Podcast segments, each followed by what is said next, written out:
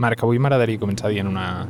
tres paraules amb, amb un altre idioma que no sigui el català, ni l'anglès, que també el fem servir bastant, que és ici c'est Paris. És què vol dir això? Aquí és París, algú així?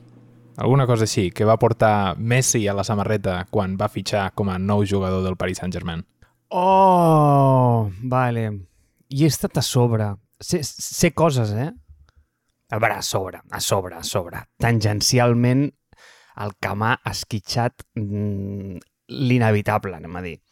Però sí, sé coses, tio, sé coses, eh? I, i, i crec que mm, té alguna a veure amb la Superliga, eh? M'han dit, no sé. És que estic molt insider, eh? encara que no t'ho sembli. Bueno, no, no se sap massa bé amb què té, amb què té a veure perquè ningú, ningú ens ho ha explicat i els periodistes esportius semblen més periodistes de Sálvame que, que periodistes d'un altre... Bueno, que periodistes en si, perquè les preguntes que li feien a Messi o les preguntes que li van fer a la porta eren lamentables. Per comptes d'explicar-li, escolta, explica'ns per què ha passat això, li explicaven, estàs content uh, per la marxa de Messi? Penses, per què ets ruc? Però bé, sigui com sigui, una, una llegenda, n'hem parlat dos vegades aquí a Sofreig, i mira, te l'he colat a tres capítols te l'he. Avui parlem d'una altra cosa, però, que és un tema que tangencialment està relacionat. I és, és un tema que a mi em sembla molt curiós, perquè és una d'aquelles coses que, que quan tu, si, si, si una persona de fora d'aquesta societat vingués i analitzés el que nosaltres fem, a la nostra vida privada i a la nostra vida pública, jo penso que es sorprendria. I això està una mica relacionat amb la tecnologia, ja veuràs. Per exemple, jo mm, abans llegia una pàgina que es deia Chataka. Chataka és... Uh, Chataka és bàsicament, com t'ho diria, la, la pàgina web més propera a la deep web que hi ha de les pàgines tecnològiques espanyoles. M'estàs mirant? A veure, a veure, o sigui, perquè la gent ho entengui, o sigui, a veure, o sigui, quina manera de... I després dius que jo sóc el que fa les metàfores difícils. A veure, fill, o sigui, Chataca és el The Verge espanyol i punt, i ja està, i no tenim una altra cosa. Chataca és una merda de pàgina que l'únic que fa és mirar a The Verge i llavors copiar l'article en castellà. Exacte. Bueno, és el mateix ah, que fa Apple Esfera amb MacRumors. Uh, però bé, jo llegia això abans i me n'en recordo quan, quan vaig veure una foto d'un iceberg i quan vaig aprendre què era un iceberg quan era petit. I, i, i vaig descobrir que Mm, bàsicament només es veia un 10% de l'iceberg. El 90% estava sota el mar. I Chataka, a un dels seus articles, quan jo encara ho llegia fa uns 10 anys, va, va fer una cosa similar explicant què era l'estructura de la web i dient el 90% o el 96% deia del contingut a internet no és accessible a través de buscadors estàndard. Buscadors estàndard és Google, DuckDuckGo i totes aquestes coses. 96%. I el 96% d'això, evidentment, no només inclou coses dolentes i, i malicioses, sinó que també inclou coses com documents d'intranets i mm, documents de bancs i coses així que no són accessibles, però tot i així estan a uns servidors i a una web a la que tu no hi pots, no hi pots accedir. Però hi ha molta part d'això, que són mercats negres, blanqueig de bitcoin i capital, compres d'armes, drogues, pornografia infantil, a mi aquesta dicotomia em sembla, em sembla fascinant perquè és com pot ser que internet i la tecnologia siguin la cosa que ens connecte virtualment a tots, però a la vegada la gran major, major part de l'internet no sigui accessible a nosaltres i la part que és accessible sigui només aquesta punteta. I la part que no ho és té aquestes coses que estan tan ultra prohibides. Llavors aquí m'agradaria parar i dir-te si tu poguessis fer només un invent a la història, quin invent faries? Una màquina? No, no, hòstia, no, clar. Vull dir, un invent de les coses que ja estiguin inventades. Ah, jo, jo volia inventar alguna pel futur. Vale. O sigui, tu em dius que jo tinc que inventar què és el que hagués inventat... Ai, a mi m'hagués agradat, agradat inventar el cotxe. Molt bé. Molt bé, molt bé. A mi internet. A mi m'hagués agradat inventar internet com ho va fer el, el senyor anglès, aquell que ho va, que ho va inventar amb un Next. Que curiós, eh? Que totes les coses boniques s'inventin amb ordinadors bonics. Però llavors, la, la cosa que a mi em sembla curiosa és, avui no parlem de la Deep Web. Jo vaig entrar una vegada a la Deep Web, per primera vegada a casa d'un amic perquè no volia que la meva IP uh, estigués registrada a, a la Deep Web i em va semblar un món super tèrbol, un, és a dir, no només per tot això, no? Vam, vam veure que tu podries comprar no només marihuana, sinó cocaïna, heroïna, podries comprar drogues duríssimes i que te les enviessin a casa. Uh, no vam veure res de, de... perquè tampoc ho vam buscar, perquè em sembla, bueno, em sembla un dels delictes capitals que tenim, que és la pornografia infantil, però sí que vam trobar per casualitat uh, anuncis de sicaris. I això em va semblar... Uh, bueno, això em va semblar una, una puta bogeria, per d'armes i, i tot, el que, tot el que et puguis imaginar. Llavors, no vull parlar d'això. Vull parlar d'una cosa molt més quotidiana, que és uh, totes les coses que com a societat hem decidit que estan mal vistes, però tot i així estan socialment inacceptades de manera socialment pública, però totalment acceptades de manera socialment privada. És a dir, coses com la marihuana, o coses com beure alcohol a casa, o coses com la pornografia, o coses com eh, aquestes. I a la vegada hi ha aquesta dicotomia que també passa a internet, que és que les coses que sí que estan públicament acceptades, com el tabac, l'alcohol, el cafè, aquestes coses són la norma de la societat i si no les fas, no estàs dins de la quadrícula social i llavors la gent et mira malament. I això a mi és una cosa que sempre m'ha semblat fascinant. És a dir, que l'alcohol sigui una cosa dolenta pel teu cos, tothom ho sàpigui, i si no ho fas, se't miri malament en un bar, però quan tu parles de pornografia, que és una cosa... Mmm, podríem discutir si és bona o dolenta, no, no entrarem aquí. Però si tu parles d'això públicament, llavors la gent et mira malament. Penses, hm, és curiós això, eh? Llavors, abans de que entrem en saber com et sents tu de tot això, et volia fer tres preguntes. La primera és, quina és la pàgina més visitada del món als Estats Units? Des de mobile també compta? Sí, a internet. Igual és Facebook? Hòstia. Jo penso que no has contestat aquesta perquè no hi caus, però és Google. Ah, oh, shit. O sigui, ja, ja la donem tan per feta que està tan integrada i, i després hi ha gent que dirà que no és un monopoli, però la donem tan feta i tan integrada al nostre sistema que Google ja no compta com a pàgina. Oh, quina cagada, és de llibre, Déu meu, clar, però és que, no sé, és que per mi és un proxy, no sé, ja, ja, sí, sí, sí, sí, sí. Oh. Quantes visites al mes de mitjana diries que té? Uf, ha d'estar en els billions, eh? Buah, és que és, és que és un puto número enorme. El vaig escriure fa tres setmanes i, i quasi que no me'l crec, però està contrastat, eh? 89,5 bilions de visites. Flipes, tio. Quasi que no som, quasi que no som dependents, eh, d'això. No. On diries que està YouTube? I quantes visites mensuals creus que té, més o menys? Ah, mira, jo crec que YouTube ha d'arrenquejar entre els 5 segur i amb visites mensuals no crec que estiguen al bilió. YouTube és la segona. Oh, Déu 34 meu. bilions d'usuaris. Oh, estem molt enganxats, eh, Ramon? On diries que està la primera pàgina de contingut adult? És que és el que et anava a dir, eh? Jo és que no vull entrar a la conversa encara, però és que tu em vas framejar aquest capítol com que... Com podia ser que aquestes plataformes estiguessin tan tecnològicament avançades? I he anat fent molta recerca, eh? I ei, not the case anymore, eh? O sigui, això ja no està passant, eh, noi? Però la primera així de contingut adult, que deu ser segurament mm, aquest híbrid de YouTube que és PornTube o YouPorn, mm, hauria d'estar entre les 10, potser. La primera pàgina, i, i t'ho actualitzo ara mateix, la primera pàgina està al número 10. Jo tenia 11 fa, fa un parell de, de setmanes, està al número 10, amb més de 3,32 bilions de visites només als Estats Units. 10. Després també hi ha la 12, hi ha la 16, hi ha la 21, i així anem fent. TikTok, perquè ens en fem una idea, que és la gran xarxa social, està 25, Twitch 26, LinkedIn 23, Discord 24. Que dolentots que som. Escolta, quina, quina és la 10? Xvideos. Xvideos, curiós. Joder. Llavors la cosa Serà per, nom, serà per noms, eh? Tio. Són, són, són creatius aquests paios, eh? Per això són noms. La, la cosa que a mi em sembla curiosa d'això és que eh, és com quan parlàvem de Bitcoin. Quan parlàvem de Bitcoin vam parlar de, de gràcies a la Deep Web i gràcies a la venda online de drogues, el Bitcoin es torna el que és. I això ha passat tecnològicament moltes vegades uh, amb, amb coses com estàndards de la tecnologia.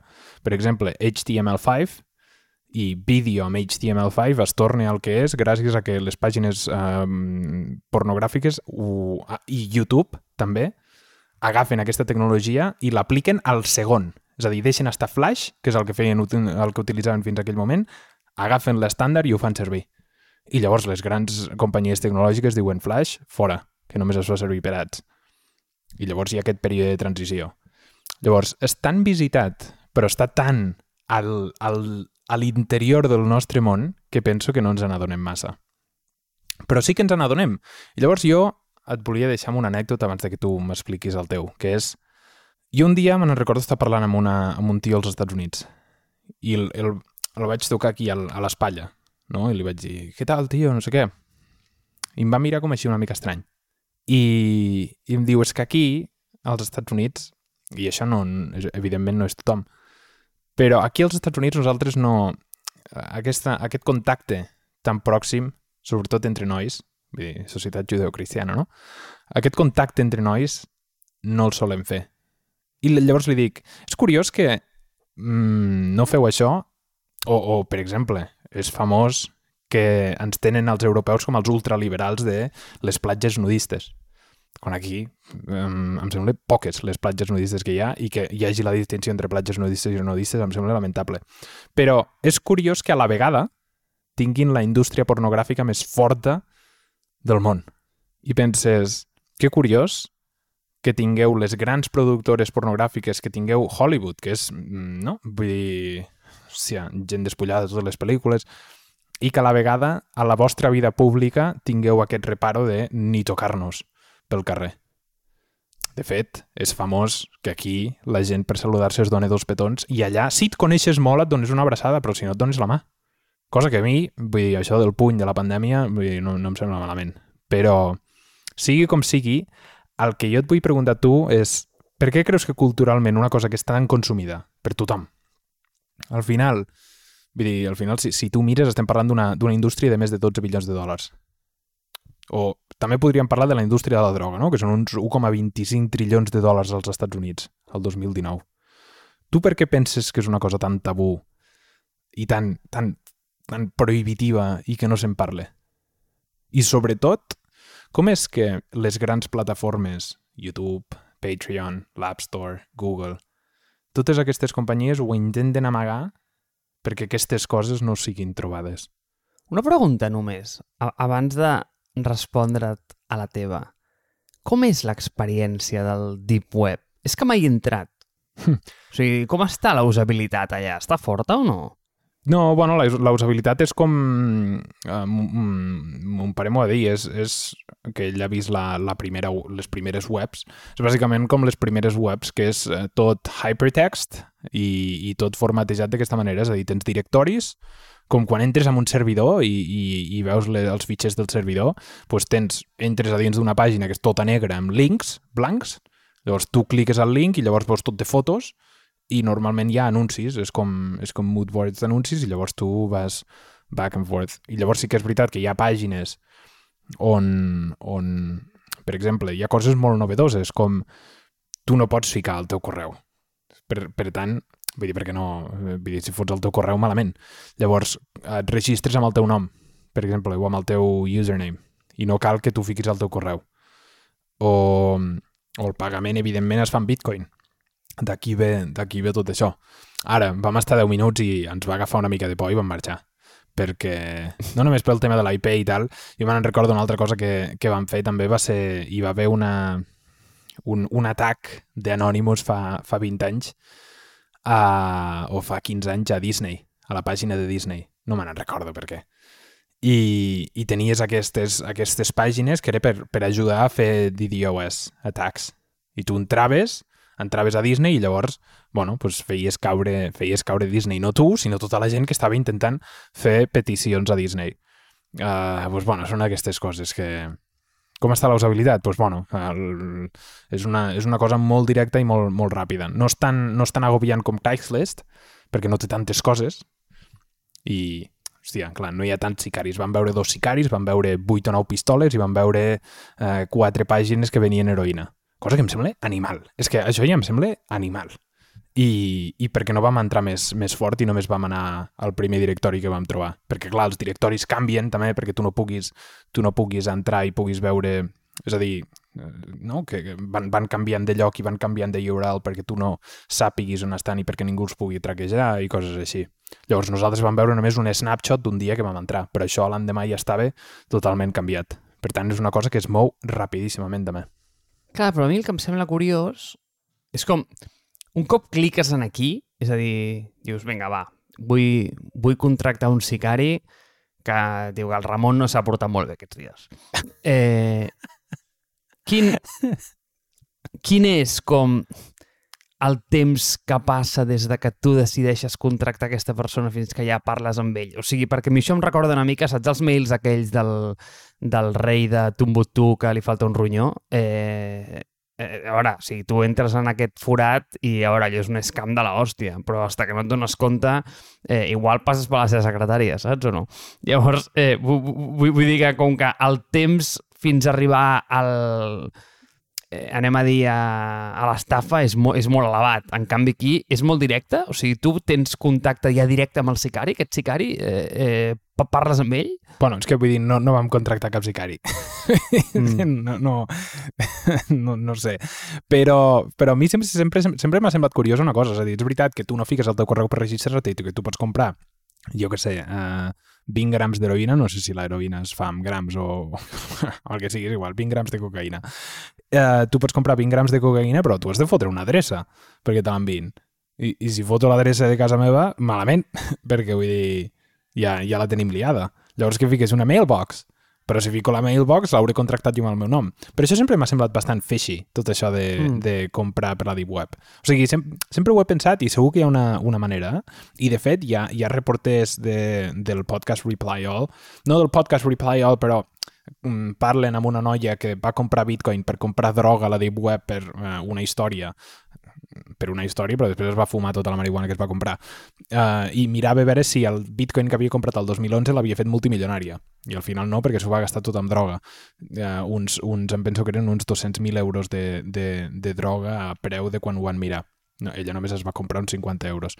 Uh, sigui com sigui, uh, em penso que amb ella li va arribar amb una mailbox. Però clar, si acabes de comprar droga, això és il·legal, no?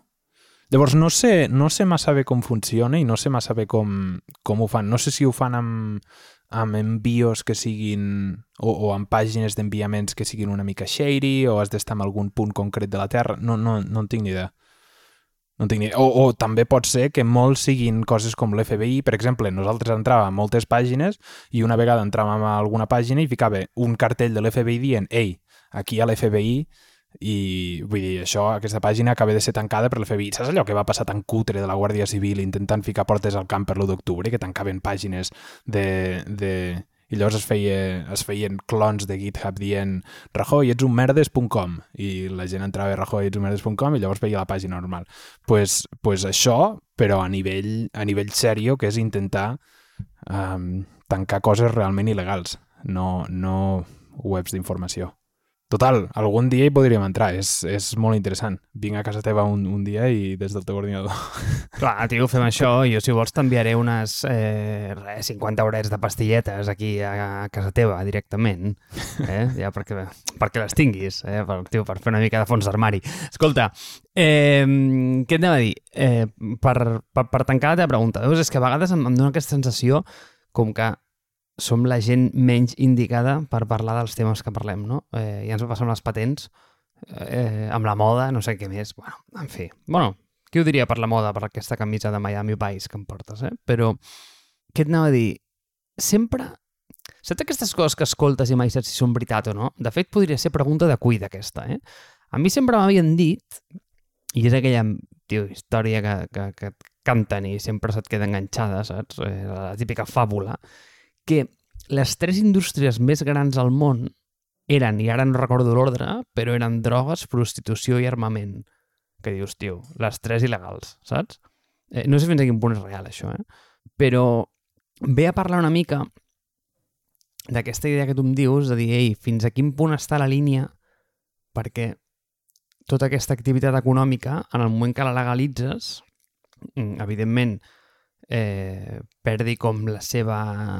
Eh, el seu morbo, anem a dir, però d'alguna manera, tio, captures una mica d'aquest pip, perquè aquesta és l'altra qüestió, és a dir, tu no estàs capturant absolutament res del que està passant aquí, a nivell econòmic, a nivell transaccional. No ens estem beneficiant de, de les pastilles que jo t'envio a casa com a regal de Reis. I com a societat això, tio, sent, eh, també et devalua moltíssim, no? I, i, I aquest és un punt que penso que no hem tocat, però és, és extremadament rellevant. És a dir, si les tres primeres indústries que estan liderant l'activitat econòmica al món ostres, no capturen valor i són il·legals, tio, sí, què està passant amb els diners, no? O sigui, què estem fent amb la nostra vida? Al final, qui està pagant les carreteres, saps? és que eh, eh, sigui, assusta. I perdó que la dada igual no és, no és real. O sigui, és que no ho sé, però eh, a veure, és allò de que si el riu suena, agua lleva, no? O sigui, tio, si, si, si m'ho han dit, és que igual no és la primera, la segona, la tercera, però igual són la primera, la vuitena i la setena. Jo no sé sobre les altres dos, però la droga, segur... Jo, jo això és una cosa que no, intel·lectualment no m'he cregut mai, però racionalment és una cosa que, que veus a, al teu voltant. Quan et diuen tothom consumeix droga, penses, no pot ser que tothom consumeixi droga. I realment tu vas a, a pobles i vas a, i vas a llocs i, i veus gent que és molt coneguda per, bueno, pues per això, per la droga que consumeix i ja t'ho vaig dir una pregunta una, una vegada, algun capítol, que és a quantes trucades d'aconseguir heroïna estaries? A una, dos? És una bogeria, això. I que tu, l'altre dia vaig anar a veure l'obra de teatre de Farinya i, i tinc uns, uns, uns amics que són de Moanya, de, de Galícia, i allà es trobaven lanxes, lanxes, abandonades, dels narcos, que l'havien deixat allà. I els sortia a compte deixar una llanxa, que vés a saber quan deu valer. 50, 60, 200.000 euros? I la deixaven de, de, de... Ja n'hem tingut prou. O Thor, la història de Thor. Tenim un capítol, terraplanistes a Thor. La història de Thor és apassionant. Es construeix una, una carretera única al món que va des d'Andorra fins a la frontera amb Catalunya i de Catalunya al primer poble de Catalunya mm, habitat no hi ha carretera es construeix una carretera que literalment no va lloc i tot això es fa pel contraband. O sigui, això, i, i ja t'he dit, 1,25 trilions de dòlars de moviment només als Estats Units. La droga. Jo no sé la, la prostitució, perquè vull dir, no, no, no ho he estat mirant, perquè clar, la pornografia és la part legal de, de... Li podríem dir prostitució o no, perquè després hi ha coses molt interessants que estan passant dins de, dins de la indústria pornogràfica, que és, per exemple, OnlyFans que és aquest contacte directe amb gent, sobretot en, en, en moments de pandèmia, on tu pagues directament a una persona per estar en contacte amb aquella persona. Llavors és... Eh, li podríem dir de molts noms, però és, és les innovacions que estan a venir allà em semblen brutals. I, de fet, vull dir, no mentiríem.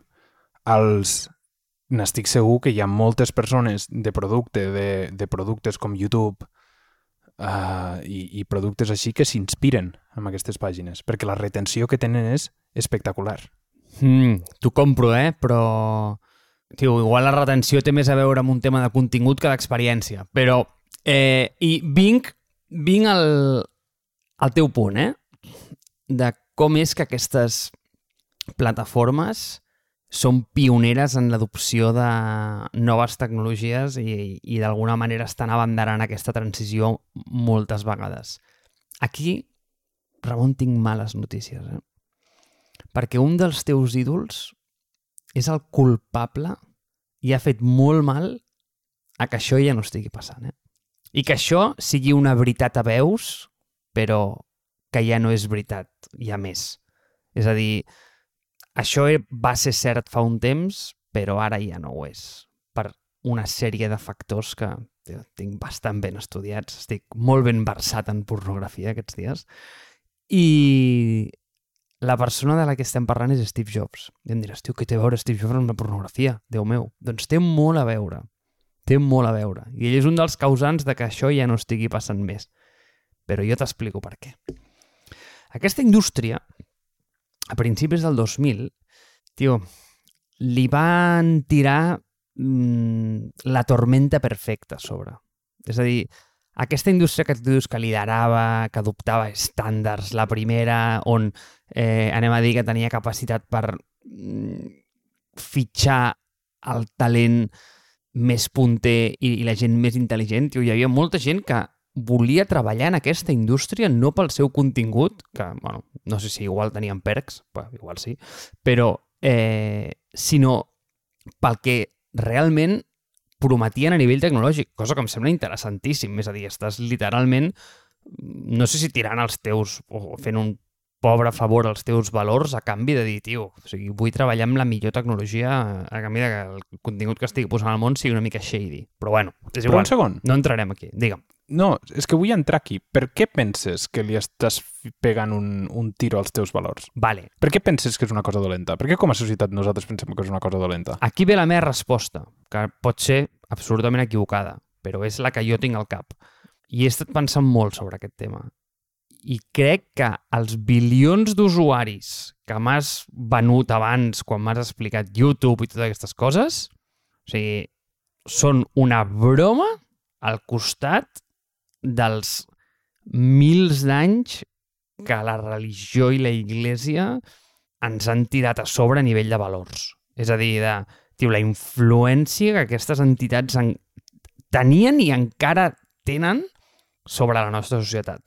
És a dir, penso que tenim un llegat mm, cultural eh, barra religiós barra moral que està encara extremadament influenciat per aquest set de valors.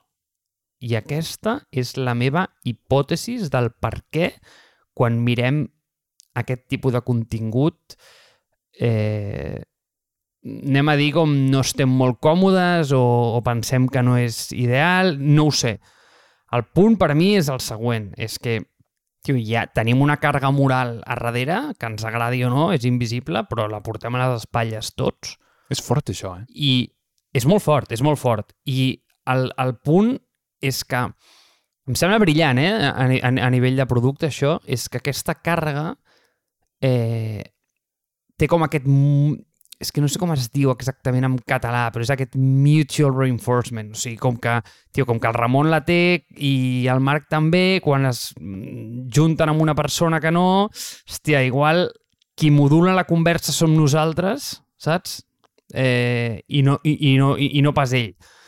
Llavors, aquest punt crec que és molt important, perquè això fa com que li posa aquesta espècie de cloroform eh, general a la societat, saps? Em sembla, em sembla brutal, això. Oh, és brutal. O sigui, em sembla brutal que una cosa que ja no, no seguim... O sigui, em sembla brutal ja estar al, al costat d'edificis que no paguen un duro divi però ocupen eh, literalment eh, extensions on, on podrien viure mm, mm, desenes de famílies. Em sembla això ja una brutalitat.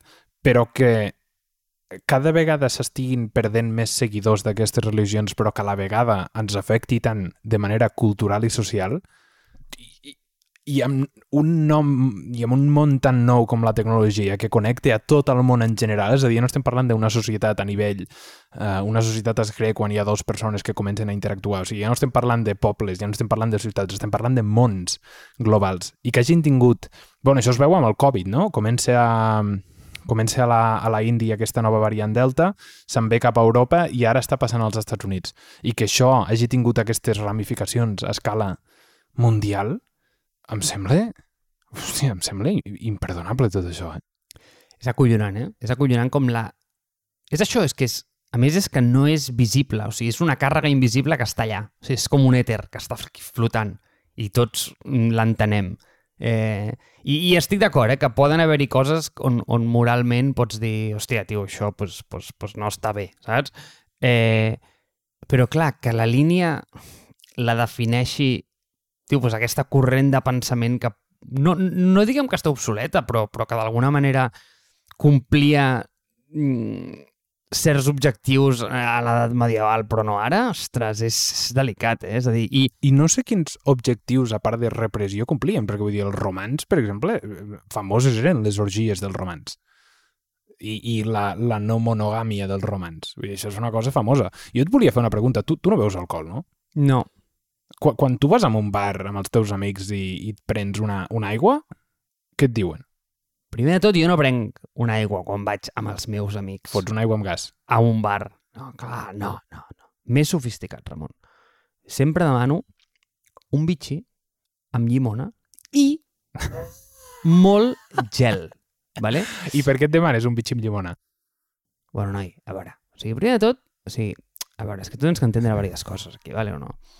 O sigui, primer de tot, Bitxí. demano bitxí amb llimona i he dit molt gel, vale? Aquest concepte de molt gel és un concepte estrany, vale? és un concepte que no s'entén, perquè jo ho he intentat, val? Eh, el concepte molt gel s'ha vist doncs, en un bar on et posen bàsicament un gel que sembla més gran, a altres llocs eh, et posen dos gels mm, mig desfets, però, tio, mira, la millor experiència que vaig tenir amb això, i perdó, és que, tio, és que el tema em té bastant impactat, eh? Quan demanes gel, eh, perdó, un bitxí amb llimona i molt gel, em van portar una cubitera amb un got, o sigui, buit, i el, el gel a part amb la cubitera, i vaig pensar, és la millor experiència que he tingut amb concepte molt gel. És que no, no, no vull dir lloc on on me la van donar, però, però mm, va ser un restaurant. I, I vaig pensar, Déu meu, això és brillant. O sigui, és, és, és, és el millor eh, és el millor concepte de molt gel que jo mai, eh, que jo mai he entès. I llavors, la, la teva pregunta, per què em demano un bitxí? A veure, primer de tot perquè m'agrada, ¿vale? eh, crec que el bitxí, o sigui, m'agrada l'aigua amb gas, però el bitxí en concret, i, i perdó que faci ús de la marca comercial, és el que crec que ha aconseguit el balanç més equilibrat entre la quantitat i el tamany de la bombolla. N'he estudiat moltes, eh? Creu-me. Eh, però, O sigui com sigui, què et diuen quan et demanes un bitxí? a veure, tot, tot depèn. Tot depèn, vale? tot depèn. O sigui, si són els meus amics de sempre, ja ho entenen. Ja saben que el nen és raret. Llavors, eh, eh, Veus o no?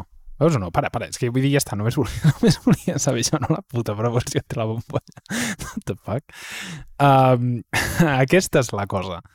O sigui, se't consideres raro per no ficar-te droga al teu cos, que és l'alcohol. O sigui, o sigui, hi ha poques drogues tan dolentes com l'alcohol. No, podríem parlar del tabac. Bueno, no, el tabac és la droga més absurda i més tonta del món.